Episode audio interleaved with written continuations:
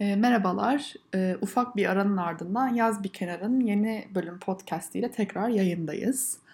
E, Türkiye'den Kanada'ya geri dönüş yaptığım için geçtiğimiz hafta yeni bölüm yayınlayamamıştım. E, o yüzden kusura bakmayın. E, bugünkü bölümümüzde e, birazcık çocuk gelişiminden bahsedeceğim. E, son birkaç podcast'tir daha çok kadın hakları, insan hakları üzerine, sosyal konular üzerine yoğunlaşmıştık. Bu hafta e, çocuk gelişimiyle alakalı bir bölüm yapmak istedim. E, bu haftanın konusu aktif çocuk. Aktif çocuk teorisi de çocukların kendi gelişimlerinin nasıl şekillendiğiyle alakalı bir teori. E, geçtiğimiz haftalarda e, doğa ve yetiştirme, nature vs. nurture'ı ele almıştım. O farklı bir teoriydi. O teori genetik ve çevreye e, odaklanıyordu biliyorsunuz ki. Ve daha çok da zaten araştırmacılar genetik ve çevrenin rollerine daha çok odaklanıyorlar. E, aktif çocuk teorisi bunun aksine çocukların kendi eylemlerinin gelişimlerine nasıl katkıda bulunduklarını ele alan bir teori. E, bu teoriden bahsederken çocukların doğumundan ergenliğe e, giriş yaşlarına doğru e, olan süreden bahsedeceğim.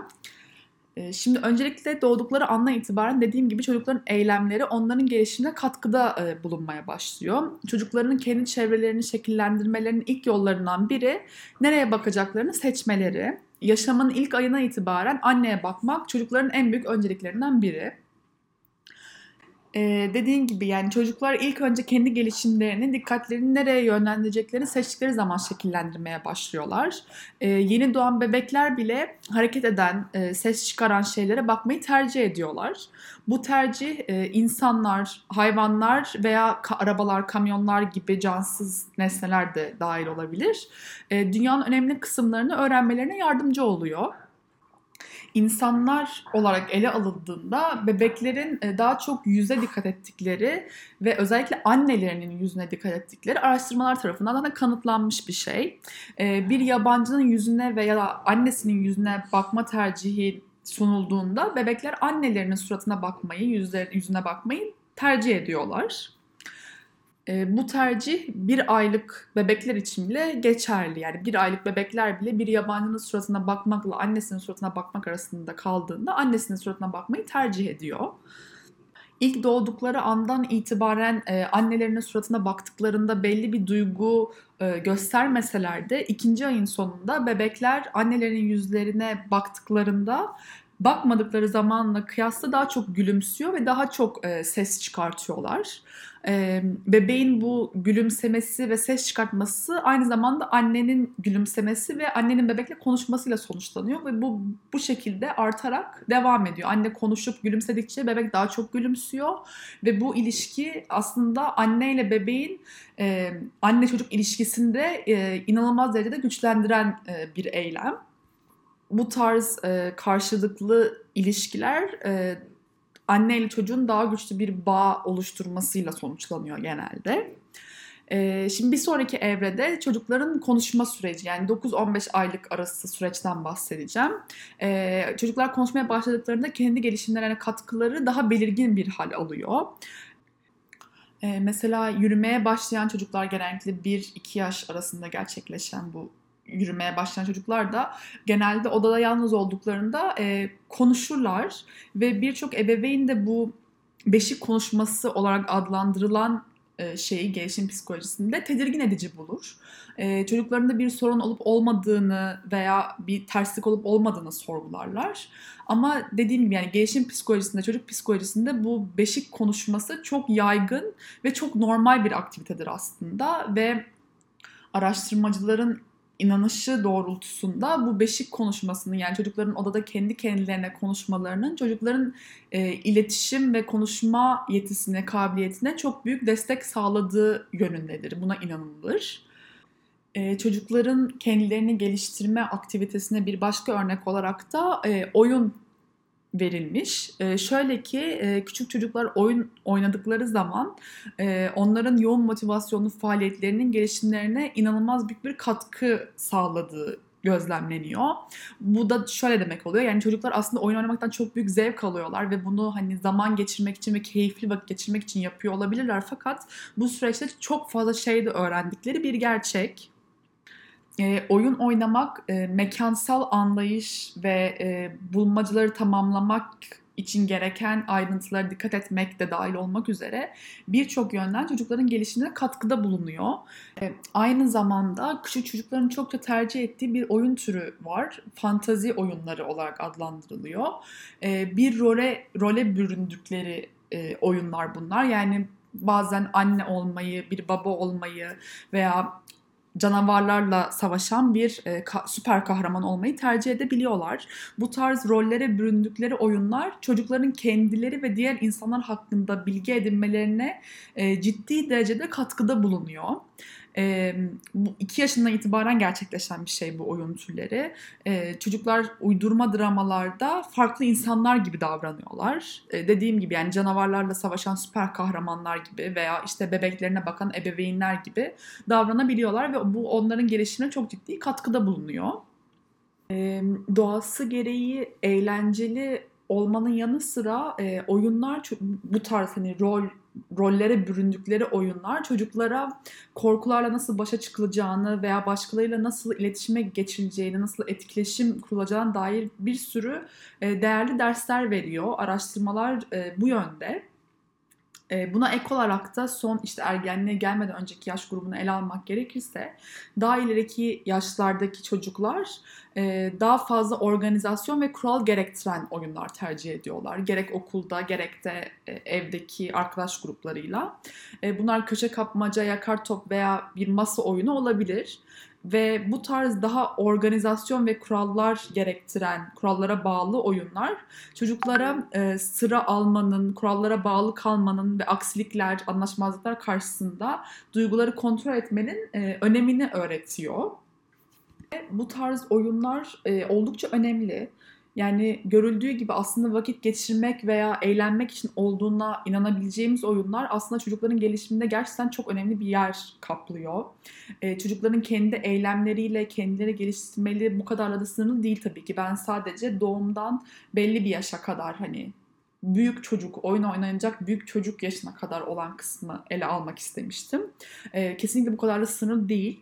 E, çocukların kendi gelişimlerine katkıları, yaşları e, ilerledikçe daha çok güçleniyor ve daha çok genişliyor ve çevrelerini giderek daha fazla seçip şekillendirebilir hale geliyorlar.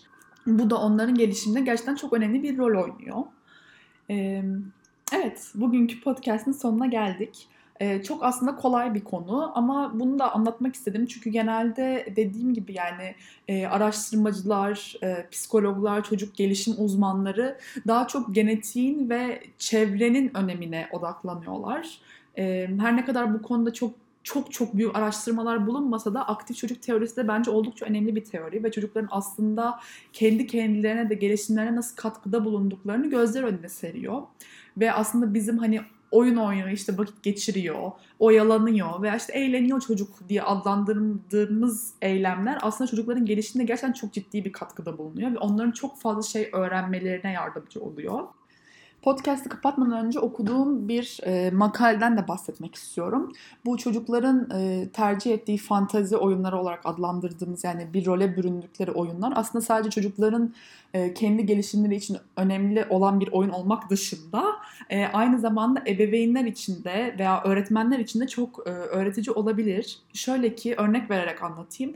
Bir çocuk eğer bir anne veya bir baba rolüne bürünüp e, hayali, farazi bir e, çocuğa kötü davranıyorsa veya kötü söz söylüyorsa veya bir arkadaşına oyun sırasında hayali bir arkadaşına bu tarz söylemlerde bulunuyorsa bu çoğu zaman çocuğun bu tarz şeylere maruz kaldığının göstergesidir. Bazen e, anneler babalar fark etmeden çocukları üzerinde maalesef ki böyle travmalar yaratabiliyorlar. E, bu tarz oyunlar da aslında çocukları gözlemlersek e, onlar üzerine nasıl bir etki yarattığını e, anlamamız mümkün. E, bu benim çok ilgimi çekmişti. Yani aslında çocuklar fark etmeden davranışlarıyla ve oynadıkları oyunlarla e, bizlerin, e, öğretmenlerin, ebeveynlerin, e, arkadaşlarının onlara olan tavrı hakkında da bizlere bilgi verebiliyorlar. Bence bu da çok önemli bir konu. Bunu da söylemek istemiştim. Çok ilgimi çekmişti benim bu okuduğum makale. Aslında çok bariz bir şey gibi de görünüyor bu arada. Yani evet yani bu böyledir diyor insan aslında duyduğunda ama ben hiç bu şekilde düşünmemiştim. Evet, bu podcast'in sonuna geldik. E, dinlediğiniz için çok teşekkür ederim. E, benim çok ilgimi çeken bir konuydu. O yüzden buna değinmek istedim. Yani dediğim gibi daha çok genetik ve çevreye odaklanıyoruz ama aslında çocukların da kendi üzerlerinde çok büyük bir etkileri var. Oyunlarla ve e, hayal güçleriyle. E, bunu ele almak istedim. E, kitap önerisi yapacağım. Bu haftanın kitap önerisi aslında çok düşündüm. Ama okumadığım ve bilmediğim bir kitabı önermek istemedim. Aslında yaş grubu e, daha küçük çocuklara hitap eden bir podcast oldu. Belki onların yaş grubuna hitap eden bir kitap önermem daha mantıklı olurdu. Ama o konuda çok bir bilgim yok. O yüzden yine çocuklara okutabileceğiniz yani çocuğunuzu okutabileceğiniz daha çok kız çocuklarını okutabileceğiniz bir kitap bir seri önerisiyle geldim. Bana okumayı e, bu kitap serisi sevdirdi. Ben yani elimden bırakamazdım ve ilk okumaya başladığımda 14-15 yaşlarındaydım ve gerek işte aile içi anneyle babayla yaşanan çatışmalarda gerek kendi iç dünyamızda yaşadıklarımızla, gerek okuldaki arkadaş çevremde yaşadıklarımızla kendimden çok fazla parçalar bulabildiğim bir e, kitap serisiydi. İpek Ongun'un Bir Genç Kızın Gizli Defteri e, serisi. Sanırım 8-9 tane var. Ee, en sonuncusunu okudum mu emin değilim ama en sonuncuya kadar köpeğim, köftem kusura bakmayın. En sonuncusuna kadar geldiğimi düşünüyorum. Yani birkaç sene öncesine kadar hala okuyordum. Ee, gerçekten çok çok güzel bir kitap. Hani çok eğitici, çok öğretici diyemem ama hem okuma duygusunu bence pekiştirebilir okuyan çocukların. Çünkü gerçekten çok hem okuması kolay hem okuması çok zevkli bir kitap. Ee, hem de yani bir arkadaş gibiydi bana o kitap serisi. Oradaki karakterler ve o kızın yaşadıkları. Kendime bir arkadaş edinmiş gibiydim yani o kitabı okurken. Ee, o yüzden tavsiye edebilirim. Yani 14, 15, 13 belki yaşındaki kız çocuklarına e, okutulabilecek bir seri. Bence severler. Aynı yazarın e, Yaş 17 diye de bir kitabı var. O belki birazcık daha üzücü olabilir. Bu sebepten hani 14-15 doğru mu bir yaş onu çok emin olamıyorum şu an. Ben o yaşlarda okumuştum ama çok etkilendiğimi de hatırlıyorum. Çok dokunaklı bir kitaptı özellikle başı. Ama evet dediğim gibi yani İpek Ongun'un bu kitaplarını çocuklarınıza, kız çocuklarınıza okutabilirsiniz. Erkekler okumak istiyorsa tabii ki onlar da okuyabilir ama ilgilerini çeker mi çekmez mi onu bilemedim. Ee, Böyle. Dinlediğiniz için çok teşekkür ederim. Haftaya e, yine salı günü saat 18'de birlikte olacağız. Hangi konuyu ele alacağımı henüz karar vermedim ama muhtemelen yine toplumsal cinsiyet eşitliği, kadın hakları ile alakalı bir konu olur diye düşünüyorum. Beni dinlediğiniz için teşekkür ederim. Eleştirilerinizi saygı çerçevesinde her zaman belirtebilirsiniz. Ee, araştırmamı istediğiniz bir konu varsa lütfen onları da belirtin. Her zaman açığım önerilere ve eleştirilere. Sağlıklı günler diliyorum.